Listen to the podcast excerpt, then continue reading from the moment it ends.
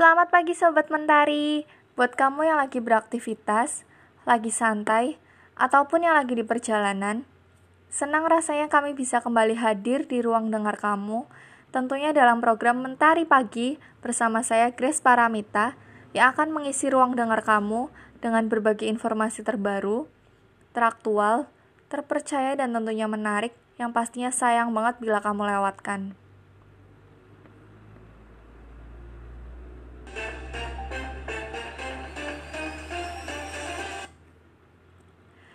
Informasi kali ini datang dari Presiden Joko Widodo yang meyakini bahwa Undang-Undang Cipta Kerja yang baru saja disahkan pada sidang paripurna DPR akan memperbaiki kehidupan para pekerja dan juga keluarganya.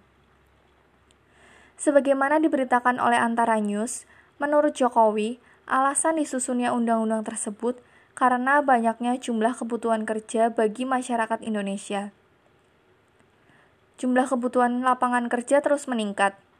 Terlebih, di tengah pandemi COVID-19 ini, banyak perusahaan yang melakukan pemutusan hubungan kerja atau PHK.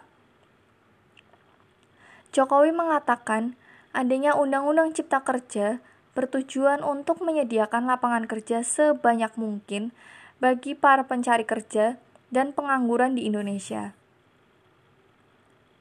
Jokowi juga menegaskan bahwa tidak benar jika upah minimum provinsi, upah minimum kabupaten, dan upah minimum sektoral provinsi dihapuskan dari Undang-Undang Cipta Kerja. Ada juga yang menyebutkan bahwa upah minimum dihitung per jam.